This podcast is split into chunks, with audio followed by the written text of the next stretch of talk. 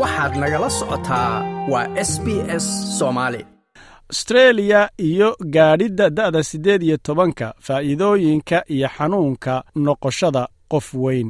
Waa maxay qaangaadhnimada macnaheedu laga soo bilaabo da'da sharciga ah ilaa xaq u yeelashada qaadashada lacagaha badbaadada bulshada iyo imaanshaha calaamadaha da'da qaangaadhnimada? Waxay keeni kartaa isbeddello la taaban karo. Sharci ahaan dadka astreeliyaanka ahi da'da siddeed iyo tobanka ayay qaangaadh ku noqdaan. Garyaqaanka sare ee sharciga da'yarta astreeliya kate richardson ayaa sharaxaysa isbeddelka ka dhacaya da'daasi marka ay dhanka sharciga noqoto iyadoo hadlaysana waxa ay tidhi Across Australia, turning 18 and becoming an adult really means that your parents or guardians no longer have parental responsibility for you under the law. And as an adult, guud ahaan astreeliya siddeed iyo toban jir markaad gaadho oo aad noqoto qof weyn dhab ahaantii waxay la macno tahay in waalidka ama dadka mas'uulka kaa ah aysan sii haynin mas'uuliyadda waalidnimo ee sharciga.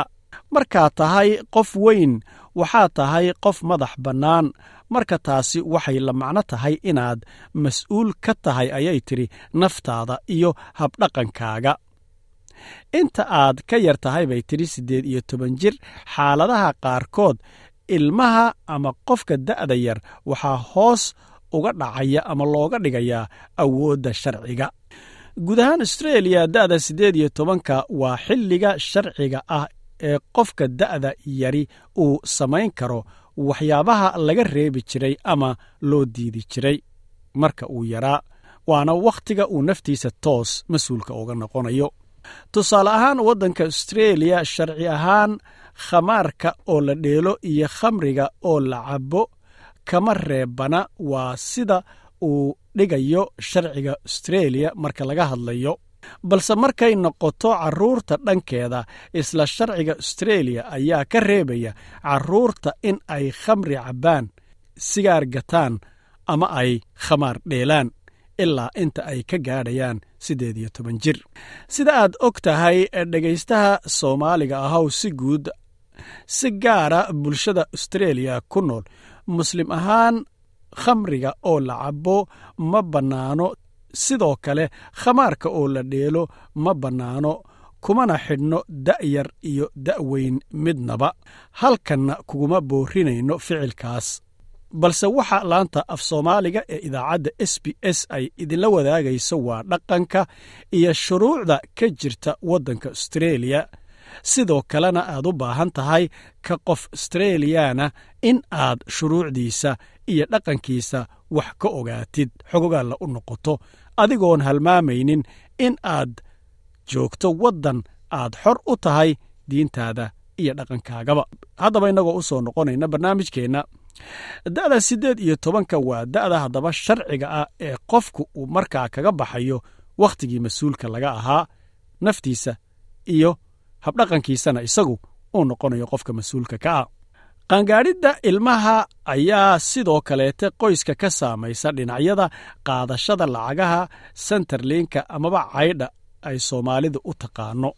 Hanki jongen oo ah maamulaha guud ee adeega astreeliya ayaa tusaale ahaan ka bixinaya family taxi benefitka lacagta la yidhaahdo ee labada qaybooda ee lagu caawiyo waalidka si ay carruurta u barbaariyaan waxa uu haddaba ka hadlayaa isagoo leh Part A is a payment for each child until they complete year 12 or an equivalent qualification. The other part of the payment is family tax. lacagta baat e waa lacag cunug kasta qaato ilaa uu ka dhammaynayo sannadka labiyo tobnaad ama shahaado u dhiganta qaybta kale ee lacagta waa family taxi benefit oo iyadana baat b loo yaqaano hanki jongen sida uu qabo isbeddelka ugu horreeya ee qofku marka uu siddeed iyo toban gaadho dhacaya waa in qofku uu xaq u yeelanayo in shakhsi ahaan u codsado caawinta dhaqaale ee uu helayo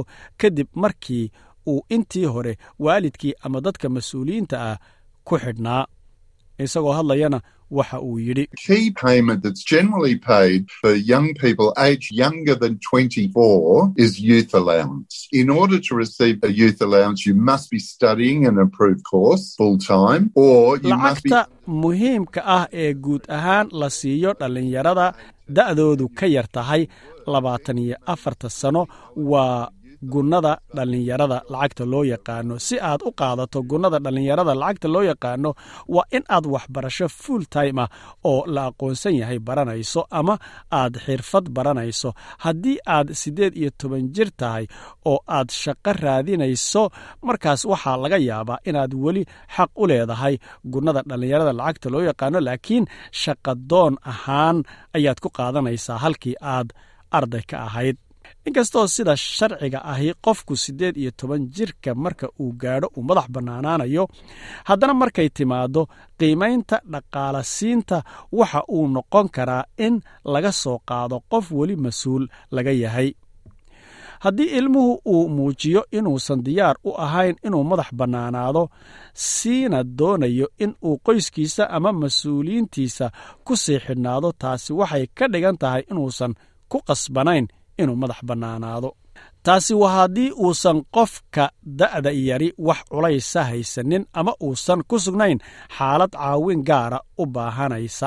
Markay timaaddo qofka da'da yari inuu damco caawin dhanka dhaqaalaha ah sida uu sheegayo master jongen waxa uu kula talinayaa in ay samaystaan akawnti ka samaystaan maygaafka isagoo hadlayana waxa uu yidhi I strongly encourage anyone aged 18. First step is to go to MyGov. Second step is to create a aad ayaan ugu dhiiragelinayaa qof kasta oo da'diisu tahay siddeed iyo toban jir tallaabada koowaad waa ina aad maygaafka aaddo tallaabada labaad waa inaad abuurto akawnti maygaafka ka abuurato ama ka samaysato ayuu yidhi kadibna u adeegso buu yidhi macluumaadka si ay kuugu jihayso meesha ugu fiican ee aad ku aadin karto cabashadaada oo aad ka samayn karto onlineka.